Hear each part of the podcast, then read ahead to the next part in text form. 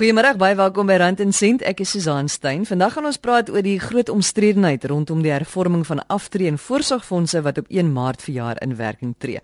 Groot ongelukkigheid daaroor. Ons gaan kyk wat is mite en wat is waarheid. Ons praat ook oor alles wat jy wil weet van werkloosheidsversekering. Wie moet registreer? Wanneer moet jy registreer? Wie kan eis? Wanneer kan jy eis? Dit in die tweede helfte van ons program, so bly ingeskakel daarvoor. Maar nou kyk ons na die hervorming van die aftree en voorsorgfondse. Slegs sowat 4 tot 6% van Suid-Afrikaners spaar genoeg om teen aftreeouderdom onafhanklik finansiëel vir hulle self te kan sorg. Die gevolg is dat daar 'n groot las is op die staatskas ten opsigte van die betaling van staatspensioene en ander betalings aan mede-Suid-Afrikaners wat dan nou nie spaar nie. Op die oomblik is ons in 'n situasie waar ongeveer 6 miljoen belastingbetalers omtrent 13 miljoen ander Suid-Afrikaners aan die gang moet hou. Dit nou aldus Andrei Venter, die woordvoerder van die vakbond Johasa. En hy sê die situasie gaan nie baie vinnig verander nie. Inteendeel, hierdie bedrag wat betaal word as staatspensioene word gereeld aangepas en verhoog. So volgens Andrei moes die regering gaan sit en 'n plan maak om ons te help spaar. 'n klompie jare gelede bereeds, uh, ek praat van omtrent seker 4, 5 jaar gelede, het die vakbonde en werkgewers en die regering saamgekom en gesê maar kom ons begin gesels oor hoe kan ons mense aanmoedig om meer te spaar want wat gebeur met pensioenfonde met aftreevoorsiening byvoorbeeld werk dit so dat die werkgewer betaal 'n sekere persentasie bydra die werknemer betaal 'n gedeelte en die regering dra by by wyse van belastingtoegewings om jou aan te moedig om te spaar. So wat toe gebeur? Toe kom die drie partye bymekaar en sê kom ons praat hoe kan ons met miskien 'n tipe van 'n verpligte spaar aanmoedig onder mense wat toe nou nie gewerk het nie. En toe eindig hulle nou op met die situasie van om te sê, maar goed, kom ons probeer dan net om mense wat dan nou reeds spaar, om hulle aan te moedig om meer te spaar en om mense dalk teen hulle self te beskerm. Dit klink nou vreeslik en drakonies as mense dit so sê, maar dit is ongelukkig so dat omdat ons nie 'n gewoonte het om te spaar nie, as 'n mens dalk sou wil aanbou by jou huis of jy raak in finansiële moeilikheid en jy kom agter dat iewers lê daar 'n pot geld dan gaan jy kreatief raak en jy gaan begin dink, hoe kan ek my hande op daai geld lê? Soveel so dat mense gaan so ver as om te bedank net om daai geld te kry en en jy moet onthou as jy nou klompe jare deelgeneem het aan aan 'n pensioenfonds en jy het gespaar die oomblik wat jy jou hand op daai geld lê en dit kom in jou hande dan word jy belas daarop teen die heersende belastingkoers. So dit kan beteken dat jy tussen 25 en selfs meer as 40% van daai geld die oomblik wat dit in jou hand lê, is daai persentasie van die geld weg. En as jy dit dan agterna weer gaan probeer inhaal, dit is eenvoudig net so jy gaan dit nooit weer inhaal nie, want die effek van die rente wat jy verdien op jou belegging, ehm um, is daarmee heen tensy jy op 'n baie hoër koers kan bydra. Nou die ander gedeelte is nou behalwe dat ons baie lae vlakke van spaar het, het ons ook 'n ander kwaal dalk in die land. Dat ons as Suid-Afrikaners dalk en dit is verskriklik om te veralgemeen ek weet maar ons is baie keer baie naïef. Mense vertel vir ons iets en ons aanvaar dit wat hulle sê as evangelie. En laat ons so sterk hier by ons gaan vertel dit vir ander mense. Toe mense nou begin hoor dat die regering en die vakbonde en die werkgewers praat oor die hervorming van aftreevoorsiening toe begin sommige van die doemprofete en die slim mense om die braaivleisvure en so meer toe begin hulle nou vir mense sê maar hey het jy gehoor die regering is besig en hulle gaan ons pensioengelde gaan hulle nasionaliseer wat totaal verwyder is van die waarheid. Andrei verduidelik wat die hervorming nou eintlik behels. Kyk, daar's twee vorms van spaar heidaglik. Een is pensioenfonde, die ander een is voorsorgfondse en in Engels sal dit nou wees provident funds, né? Nee? So by 'n pensioenfonds kan jy as jy op pensioen gaan, vat jy 'n derde van jou geld, die ander 2/3 koop jy 'n pensioen mee en jy kry 'n maandelikse pensioen met dit. Dit is maar volgens die reëls van elke verskillende fonds. Met voorsorgfondse werk dit bietjie anders. Jy kan die enige tyd kan jy al jou geld wat in daai pot geld lê, kan jy vat. So wat dit dan nou behels is dat die regering wil nou hê dat voorsorgfondse moet dieselfde werk as pensioenfondse. Dat as jy aftree, dat jy net 'n derde vat en die ander 2/3 word belê of jy besluit self waar dit lê. Niemand anders gaan besluit nie. Net soos met 'n pensioenfonds gaan jy self besluit waar word daai geld belê om vir my dan 'n maandelikse inkomste te gee. En ek dink dit is dalk waar die misverstand kom dat mense voel maar die regering wil nou my geld vat. As 'n mens hom net 'n bietjie verder vat, sal 'n mens verstaan dat alle huidige bydraers tot pensioenfonde en voorsorgfondse het sogenaamde gevestigde regte. So daar gaan niks met jou geld gebeur nie. Jy gaan net soos in die verlede gaan jy jou geld kon vat onder die huidige voorwaardes. Jy kan met dit doen net wat jy wil. Dit is miskien wat wat mense ook verkeerd verstaan. Wanneer jy vir 'n klompie jare, sê nou maar jy 20 of 30 of 40 jaar, het jy nou bygedra tot 'n mediese fonds. Nou breek die dag aan dat nou gaan jy met pensioen en dit gebeur baie dat mense byvoorbeeld vir ons hier by die vakbond bel dan sê hulle vir jou luister man ek het nou ek sit nou met hierdie pot geld nou wat maak ek nou met dit? Met wie kan ek praat? En ongelukkig is dit so dat die verskriklike keuse wat jy dan moet maak is om die regte adviseur te kry 'n finansiële adviseur wat vir jou behoorlike advies kan gee want nou kan jy nie met haal geweer skiet nie.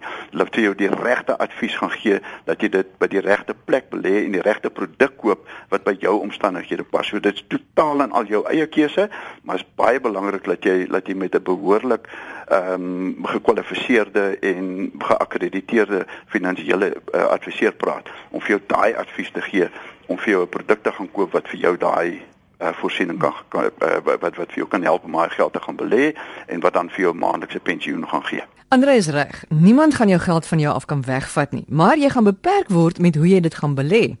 En Pieters is hoof van bemarking by Allen Gray en hy verduidelik wat jy toegelaat gaan word om met daai 2/3 van jou spaargeld te doen. Die beginsel is dat jy die vaste bedrag wat jy gespaar het moet omskakel in 'n maandelikse inkomste toe en en daar's net sekere produkte wat dit kan doen. Hulle word anniteite genoem en daar's twee groot tipe van anniteite. Die eerste een is 'n gewaarborgde anniteit wat soos 'n versekeringstipe produk is. Dit waarborg jou inkomste vir die res van jou lewe. Dit maak nie saak hoe lank jy leef nie. Maar as jy doodgaan dan hou die anniteit op, so 'n soort van die produk hou op met jou wanneer jy doodgaan. Die ander tipe anniteit is 'n uh, beleggingstipe anniteit waar jy kan self kies watter onderliggende belegging jy wil hê en jy kan kies binne perke hoeveel geld jy wil uitneem elke jaar maar daai ene as die as die beleggings opgaan kry jy meer as die beleggings afgaan kry jy minder en as die geld opraak dan is die geld op. Uh, maar as jy doodgaan voor die geld opraak dan sal die die res van die van die of die markwaarde op daardie stadium word dan aan jou boedel uitbetaal. Nou een van die redes waarom baie mense ongelukkig is is omdat hulle voel hulle kan eerder self daai geld vat, dit self gaan belê en uiteindelik baie meer uit die opbrengste verdien. So ek wil by Andre van Johasa weet, wat word van daai persoon se vryheid van keuse as hy nou gedwing word om 'n anniteit te koop met sy aftreegeld? Daardie vraag gaan dan direk na jou indiensnemingskontrak en dit was nog al die jare so. As jy by 'n plek gaan werk, as jy by die SAIK werk of jy gaan werk by Transnet, werknemers veral in die korporatiewe wêreld, kleiner maatskappye maak nie almal voorsiening daarvoor nie, maar jou dienskontrak sal dan bepaal dat 'n uh, eh, deel van dit is dat as jy 'n werknemer is, dan moet jy nou aan 'n pensioenfonds aan die, aan die maatskappy se pensioenfonds behoort en jy moet dalk aan die maatskappy se mediese fonds behoort en alsoan en dan is daar bepaalde voorwaardes. Dit is maar deel van die werkgewer se verantwoordelikheid om toe te sien dat jy eendag geld het om af te tree en dat jy mediese sorg kry en so meer. Dit is nie iets niets nie. As die werkgewer dan daai indiensnemingskontrak vir jou aanbied, en dan gaan jy sien maar 'n goed deel van die voorwaardes is ek moet hier deelneem aan hierdie fonds. En as dit jou nie pas nie, dan sal jy dalk genoodsaak word om elders te gaan werk so. Andrei beklemtoon weer dat die gerugte dat die regering jou geld gaan vat as jy doodgaan of dat hulle van hierdie fondse gaan nasionaliseer, absolute onsin is dit is glad nie eers deel ooit van 'n gesprek nie in die regering. Dit sal geweldige negatiewe implikasies vir die regering wees as hulle so iets sou doen en hulle sal dit nie doen nie. En dit is glad nie deel van die gesprek nie. Ellen Greyse bemarkingshoof Henk Pieterse stem in alle opsigte saam met Andrei. Hy sê daar's net 'n paar baie belangrike punte wat mense wat aan voorsorgfondse behoort moet verstaan oor die veranderinge wat kom. Die eerste ene is dit is net die verandering as jy aftree. Die reëls as jy jou werk verloor of jy verander van werk verander nie. So as jy byvoorbeeld afgedank word, het jy nog steeds volle toegang tot jou voorsorgfonds toe. Daar's net 'n waarskuwing en dit is al klaar so vandag, daar is belastinggevolge as jy jou geld uit 'n voorsorgfonds onttrek voor aftrede. Die tweede belangrike ding is is dat die minimumbedrag waar jy aan die tyd moet koop is R247500. So dis net as jy 'n voorsorgfonds meer as daai bedrag is wanneer jy aftree, dat jy verplig sal word om 2/3 te gebruik om aan die tyd te koop. Die derde ding wat baie belangrik is om te verstaan is as jy op 1 Maart hierdie jaar 55 jaar of ouer is en jy is in 'n voorsorgfonds, solank jy in daai fonds bly, verander niks nie. So jy kan aanhou bydra aan daai fonds en die groei op die fonds, dit maak nie saak of die bedrag baie groter as die minimum is nie, jy sal die volle bedrag as kontant kan uitneem. So as jy 55 en ouer is, verander niks nie. So dan Kom ons by die laaste belangrike punt en dit is as jy nou op 1 Maart jonger is as 55 en jy's in 'n voorsorgfonds. Die bedrag wat jy gespaar het tot en met 1 Maart word wat nou genoem word 'n gevestigde reg en daai gevestigde reg gereg bedrag word ook nie geraak deur hierdie veranderinge nie. So jy kan daai bedrag hou en enige groei verder op daai bedrag kan jy eendag as 'n volle bedrag as kontant uitneem. Dit is net op die nuwe bydrae wat jy gaan maak vanaf 1 Maart af wat die nuwe reëls sal van toepassing wees. So as jy nou 'n paar jaar, sê maar 5 jaar spaar en die bedrag en die groei daarop is nou meer as 247500 en jy dan aftree, dan gaan jy nou met daai bedrag wat meer as 247500 rand is, gaan jy 2/3 se anniteit moet koop en dit is die verandering. So dit is 'n resê, hulle dink meeste mense gaan so 5 tot 15 jaar vat om by daai punt uit te kom. Henk sê as 'n mens nou begin kyk na die nadele en voordele van hierdie hervormings, is die een groot ding wat dan deur sommige mense as 'n nadeel beskou kan word, die feit dat hulle gedwing gaan word om 2/3 van hulle geld in 'n anniteit te belê. Die positiewe ding is wel dat mense nou gedwing gaan word om te spaar en dan is daar ook nog 'n ander baie groot voordeel. Die een groot voordeel is dat die ehm um, hoeveelheid wat jy spaar elke maand, die wat jy kan aftrek vir belasting baie groter is. So afhangende van die verskillende tipe fondse was dit enigiets van jy kon glad niks aftrek nie tot met as jy byvoorbeeld in 'n uittredingsannuïteitsfonds kan jy 15% van jou inkomste aftrek. Nou is dit dieselfde vir al die fondse en die bedrag is 27.5% van jou inkomste. So as jy byvoorbeeld vir jouself werk en jy het 'n uittredingsannuïteitsfonds en jy het sê maar 15% bygedra by die volle en en die volle 15% geëis, nou kan jy 27.5% eis. So jy kan baie meer spaar, dis 'n een voordeel en minder belasting betaal. So en dis 'n baie groot voordeel. Dit is Henk Pieterse, hy is die hoof van bemarking by Allen Gray en ek het ook vroeër gepraat met Andrei Venter, die woordvoerder van Joasa. As jy nou hierdie gesprek gemis het oor die nuwe hervormings van aftree en voorsorgfondse wat op 1 Maart in werking tree en hoe dit jou gaan raak, gaan na www.rsg.co.za en klik daar op potgooi. Dan kan jy weer daarna luister of jy kan dit in MP3 formaat aflaai en later gaan luister. En onthou as jy van ons gaste se kontakbesonderhede soek, stuur vir my 'n e e-pos. Ek is Susan Stein en die e-posadres is rsg@randencent@gmail.com. rsg@randencent@gmail.com. Ons gaan voort met Rand en Sent. Ek is Susan Stein en dis RSG. Jy kan ons elke Sondagmiddag 5uur kry hier op 100 tot 104 FM of as jy in die buiteland is by rsg.co.za. Nou die dag 'n e-pos gekry van Theodorus in die Kongo. Baie dankie. Dit was lekker om van jou te hoor. So waar kan jy in die wêreld sit? Stuur vir ons 'n uh, e-pos. Uh, die e-posadres is rsg.randencent@gmail.com. As jy by die huis is en jy het nou net 'n televisie stel en jy wil baie graag na ons luister, dan gaan jy na die DStv kanaal 913. Daar's onsekerheid oor werkloosheidsversekeringsfondse of liewer die werkloosheidsversekeringsfonds. Wie kan eis? Wanneer kan jy eis? Hoeveel kan jy eis? Net om te keer dat jy nie uitmis op 'n geleentheid om dalk te kan eis en jy's nie bewus daarvan nie, praat ek met Jolandi Prinsloo. Sy's 'n onafhanklike arbeidsspesialis en Jolandi bring ons net 'n bietjie in die prentjie. Hoe werk die fonds nou weer? Dit is wanneer jy jou werk verloor en nie 'n salaris verdien nie, om dan vir jou finansiëel te vergoed vir die periode wat jy nie kan werk nie. Dit is 'n versekering om te help sou jy jou werk verloor as gevolg van afleggings, as gevolg van ontslag, as gevolg van afsterwe of as gevolg van siekte of ook sou jy met pensioen gaan. So 'n pensionaris kan eis van die fonds. Mense wat aftree en op pensioen gaan, kan van die fonds eis. Hulle moet egter net in gedagte hou dat jy nie van die werkloosheidsversekeringsfonds kan eis en 'n staatspensioen terselfdertyd kan ontvang nie. Jy gaan dus eers van die fonds kan eis en dan aansoek doen vir 'n staatspensioen.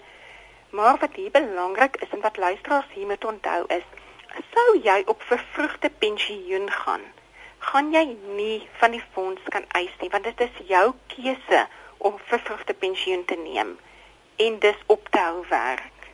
Tensy jou werkgewer dus 'n vorm kan gee wat sê op hulle versoek het jy op vervroegde pensioen gegaan, dan verander dit die prentjie en dan sal jy wel 'n voordeel kan eis. Wie kan nog almal eis? Alle werknemers kan eis van die fonds met sekere uitsonderings en dit is slegs die volgende persone wat nie sal kan eis nie. Dit is leerders wat onder 'n leerlingskap werk, buitelandse werknemers wat op 'n kontrakbasis hier werksaam is en dan nadat die kontrak verval het, hulle dan na hulle oorspronklike land terugkeer en werknemers wat slegs kommissie verdien en geen basiese salaris ontvang nie, is ook uitgesluit, asook alle staatsamptenare en dan baie belangrik, indien 'n persoon minder as 24 uur per maand werk, sal hy uitgesluit wees. En wat luisteraars in gedagte moet hou is by privaat huishoudings waar daar byvoorbeeld net een huishulp werksaam is, daardie werkgewer moet registreer by die fonds en sal hy sy werknemer ook by die fonds moet registreer indien daai huishulp vir meer as 24 uur per maand by hom werksaam is. Dit gaan nie oor hoeveel dae nie. Ons moet hierso kyk na hoeveel ure per maand daardie persoon vir daai spesifieke werkgewer werksaam is. Jy het nou genoem dat leerders of mense wat 'n vakleerlingskap doen nie kan eis nie. Geld dit ook vir diegene wat artikels doen by 'n regs- of 'n ouditeursfirma? As hulle onder 'n leerlingskap val, soos uitgesit in die wet op vaardigheidsontwikkeling, sal hulle nie deel wees daarvan nie. Wat ons hierna moet kyk is elke geval sal dan onafhanklik ehm um, beoordeel moet word om te kyk is daai persoon 'n ehm um, val hy onder 'n leerlingskap of is hy aangestel as 'n werknemer by die besigheid? Wat dan van mense wat vryskut werk en byvoorbeeld 'n jaar kontrak by 'n maatskappy het om sekere projekte vir hulle te doen? Hulle gaan ook geregistreer moet word, ongeag of hulle op 'n vaste termyn kontrak aangestel is en of hulle op 'n gewone kontrak aangestel is en 'n vaste werknemer by die maatskappy is. Hulle gaan geregistreer moet wees. Al wanneer hulle uitgesluit sal wees, is as hulle slegs kommissie verdien. So as jou werkgewer jou nie geregistreer het nie of nie een van julle twee daaraan gedink dat jy geregistreer moet word nie, kan jy niks van die fonds eis nie. Ja, dit is korrek, Susan. Werkgewers as hulle nie geregistreer is nie, moet hulle onmiddellik registreer en dan kan hulle die agterstallige bedrae betaal. Daar hoewel daar 'n boete van 10% bygereken moet word op die agterstallige bedrag. Wat hier in gedagte gehou moet word is dat die werkgewer nie nou skielik die 1% bydrae wat die werknemer moet bydra skielik van die werknemer kan verhaal om op te maak vir sy nalatigheid nie. Jolandi, hoe word die bydraes bereken? Die werkgewer moet 1% bydra vir elke werknemer wat hy het. Daardie bydrae word bereken op die werknemer se inkomste wat dan sy kommissie sal uitsluit. Die werknemer dra dan ook 1% by van sy totale verdienste. So in totaal word 2% van die werknemer se kommissie dan aan die fonds oorgedra op 'n maandelikse basis. Daar's egter 'n drempelbedrag waarop die bydraes bereken moet word wat tans R14872 'n maand beloop. So indien 'n werknemer byvoorbeeld R20000 'n maand verdien, word sy bydrae net tot op die drempelbedrag van R14872 bereken. Ons weet nou mens kan nie eis as jy bedank nie, maar wel as jou werkgewer jou ontslaan het. Watter omstandighede is daar nog waarvan waaronder 'n mens kan eis waarvan ons nou dalk nie bewus is nie? Luisteraars kan ook 'n siekte voordeel van die fonds eis en ek dink dit is 'n voordeel waarvan baie min mense bewus is. Maar wat hulle hier in gedagte moet hou is dat hierdie siekte voordeel nie dieselfde is as die vergoedingskommissaris se eise waar hulle 'n besering aan diens opgedoen het nie. Die siektevoordeel is wanneer 'n werknemer vir meer as 2 weke nie gewerk het nie en daardie siekte is nie werksverwant nie en hulle dan 'n salaris ontvang het slegs 'n gedeelte van hulle salaris ontvang het, sal hulle dan die res van daai salaris wat hulle nie van die werkgewer ontvang het nie, van die fonds kan eis. Dit sou byvoorbeeld ook al gebeur wanneer hulle nie meer siekteverlof oor het nie en dan nog afwesig is as gevolg van 'n siekte. Die voordeel sal dan betaal word vanaf die datum wat die werknemer ophou werk het as gevolg van die siekte luisteraars moet hier onthou dat hulle nie mediese uitgawes van die fonds kan terugeis nie. Dit is slegs 'n voordeel om hulle salaris wat nie deur die werkgewer betaal word aan te vul. Hoe lank kan jy nou van die fonds eis? Jy bou krediete op vir so lank as wat jy werk tot 'n maksimum van 4 jaar. So in totaal kan jy as jy vir langer as 4 jaar tot die fonds of 4 jaar of langer tot die fonds bygedra het, gaan jy 'n maksimum van 238 dae kan eis. Die minste voordeel wat jy gaan ontvang is 38% van jou salaris en die maksimum is 58% van wat jy per dag verdien het wat dan aan jou uitbetaal sal word. En hoeveel werk dit dan uit? Hoeveel sal jy kan eis? Kom ons sê jy was vir 4 jaar werksaam en jy het jou maksimum krediete opgebou. Want vir elke 6 dae wat jy gewerk het, kry jy dus nou een krediet tot 'n maksimum van 238 dae se krediete. Dan jy 58% kan terugeis van jou salaris. As jy R10000 'n maand verdien het, sal jy dus 58% daarvan kan kry. Ek kan my nogal voorstel dat daar mense sal wees wat sal dink, ag wat, ek gaan my nou nie bekommer nie as ek my werk verloor, dan kan ek wel van die werkloosheidsversekeringsfonds eis. Maar is dit iets waarop 'n mens kan staatmaak en gaan dit soet van genoeg wees? Mense dink ek gaan vir 8 maande of tot 'n maksimum van 8 maande kan eis. Dit is regtig nie genoegsaam om vir hulle gerus te stel en finansiële gerusstelling te kan gee nie. Dit is 'n klein bedragie. Hulle lewenskoste bly dieselfde as hulle ophou werk. En luisteraars moet onthou, dit is baie moeilik om skielik weer werk te kry veral as jy ontslaan is weens byvoorbeeld wangedrag. Hulle moet voorsiening maak dat hulle finansiëel versorg sal wees vir 'n langer periode. Jolandi, wat gebeur nou as jy jou hele lewe lank tot die fonds bygedra het en nou sterf jy voordat jy die fonds kan gebruik? Die werkloosheidsversekeringsfonds het ook 'n sterwingsvoordeel. Wat beteken dat indien 'n werknemer wat tot die fonds bygedra het tot sterwe kom, kan sy afhanklik is, naamlik byvoorbeeld sy vrou, lewensmaat, voor of kinders van die fondshuis.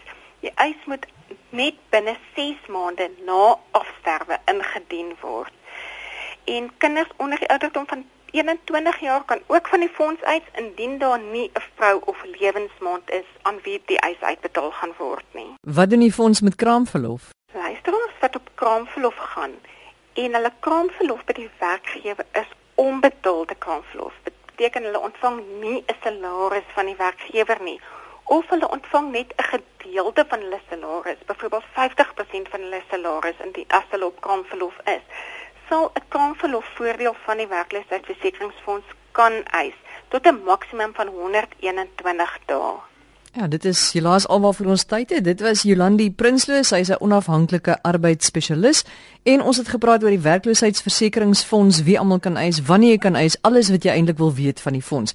So indien jy ons gesprek gemis het, gaan na www.rsg.co.za, klik op potgooi en jy kan weer daarna gaan luister of jy kan dit vir jou gaan aflaai in MP3 formaat.